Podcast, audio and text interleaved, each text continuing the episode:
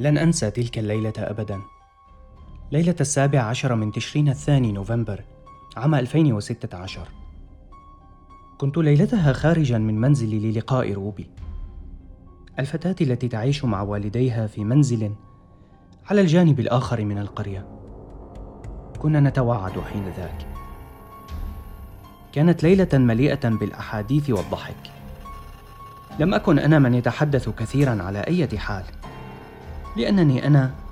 ذلك الشاب ذو الطبع الخجول قليل الكلام.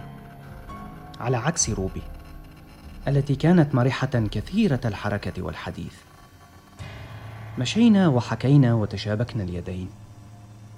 كانت لحظات جميلة رومانسية. غرقنا فيها عميقا حتى رن فجأة منبه هاتفها وشوه صفو تلك اللحظات. تذكرت أنها قد ثبتت هذا المنبه ليذكرها بالموعد الذي حدده لها والداها للعودة إلى المنزل لحضور حفل عشاء مع أحد أقاربها. كانت قد نسيت أمره تماما. كان يجب على غرامياتنا المراهقة أن تنتهي عند هذا الحد. فقد تأخر الوقت. ودعت روبي وانتظرتها حتى دخلت باب منزلها سالمة. وعدت ادراجي أنا أيضا.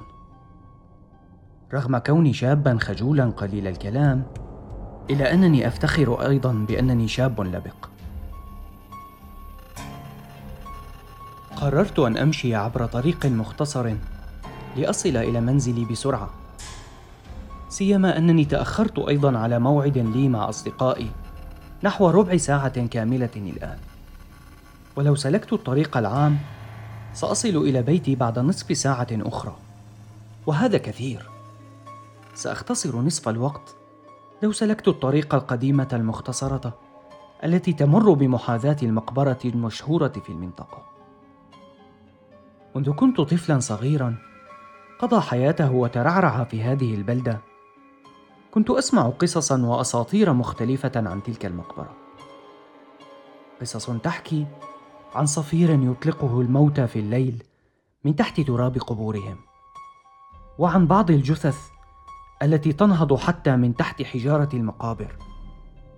ليلة اكتمال القمر. يا للصدفه كان القمر بدرا في تلك الليلة. ولكنني لسبب ما لم أشعر قط بالخوف. ولم أكن حتى من النوع الذي يهتز ويرتعش لسماع تلك الحكاية. ولا حتى ممن يصدقونها. كانت بالنسبة إلي لا شيء سوى أساطير ساذجة أو حكاية لإخافة الأطفال حتى يمتنعوا عن الاقتراب من المكان واللعب فيه. لا أكثر. لم يخطر ببالي أنني كنت على بعد دقائق لأصبح إحدى تلك الحكاية. حين لاحت لي أسوار المقبرة القديمة بدأت أشعر بالهواء البارد يلطم وجهي ويتسرب داخل جسدي. دخلت البوابة الخلفية وكان علي المشي بطريق مستقيمة حتى أصل إلى البوابة الأمامية وأخرج منها لأكون قد وصلت إلى الحي الذي فيه منزلي. كانت السماء مليئة بالغيوم الداكنة التي تحجب ضوء القمر. تابعت سيري وإذ بصوت قريب مني يصدر عاليا وكأن أحدهم قد داس على جذع شجرة مكسور مرميا على الأرض. ظننت اولا أن عقلي يتخيل تلك الأصوات من رهبة المكان. أقنعت نفسي بهذا وإذ بالصوت يصدر ثانية. وهذه المرة من مسافة أقرب مني مرة ثالثة والآن رابعة. حتى تحول الصوت إلى ضجيج خطوات أقدام واضح يمشي على الأرض خلفي. التفت لأجد خلفي مباشرة طفلة صغيرة بزي مدرسي. أزحت نظري عنها من شدة رعبي. وحين التفت مجددا لم تكن هناك. ظننت لثانية أنني أهلوس من شدة الذعر. ضحكت في نفسي. وتابعت سيري نحو البوابة الأمامية. وما هي إلا ثوان حتى سمعت صوتا يشبه العويل والبكاء الذي يصدر عادة من الأطفال. ثم تلاه صوت طفلة تقول ماما ساعديني أنا تائهة. بدأ الرعب يتملكني حينها. أردت أن أتأكد فيما لو كان الصوت صادرا من نفس الفتاة التي رأيتها منذ برهة. نعم. إنها هي.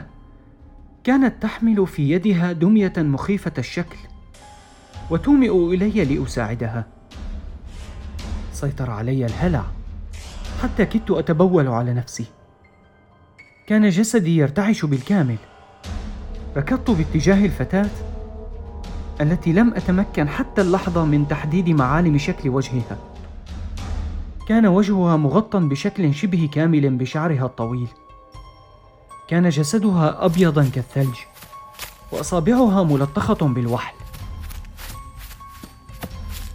مددت يدي تجاهها لألتقطها وفي لمح البصر اختفت مجددا وبقي صوتها يردد. ماما ساعديني أنا تائهة. التفت لألوذ بالفرار فتعثرت قدمي بحجر أحد القبور.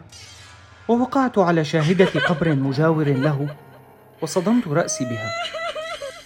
فقدت الوعي لعدة دقائق وحين صحوت وجدت نفسي مستلقيا فوق هيكل عظمي قديم.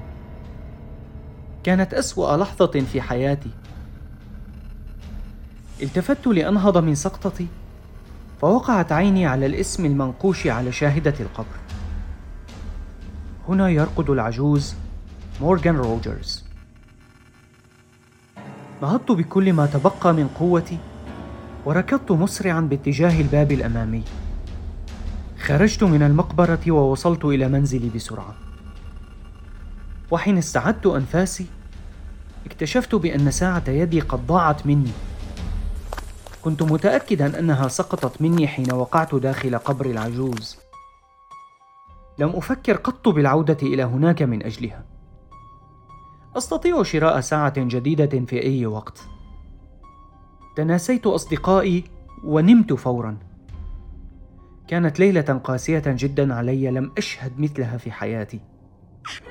ظل صوت تلك الفتاة يتردد في دماغي كل ليلة منذ ذلك الحين. حتى بدأت الاعتياد عليه، وتمكنت أخيرا من النوم ستة ساعات متواصلة بعد الحادثة بثلاثة أسابيع.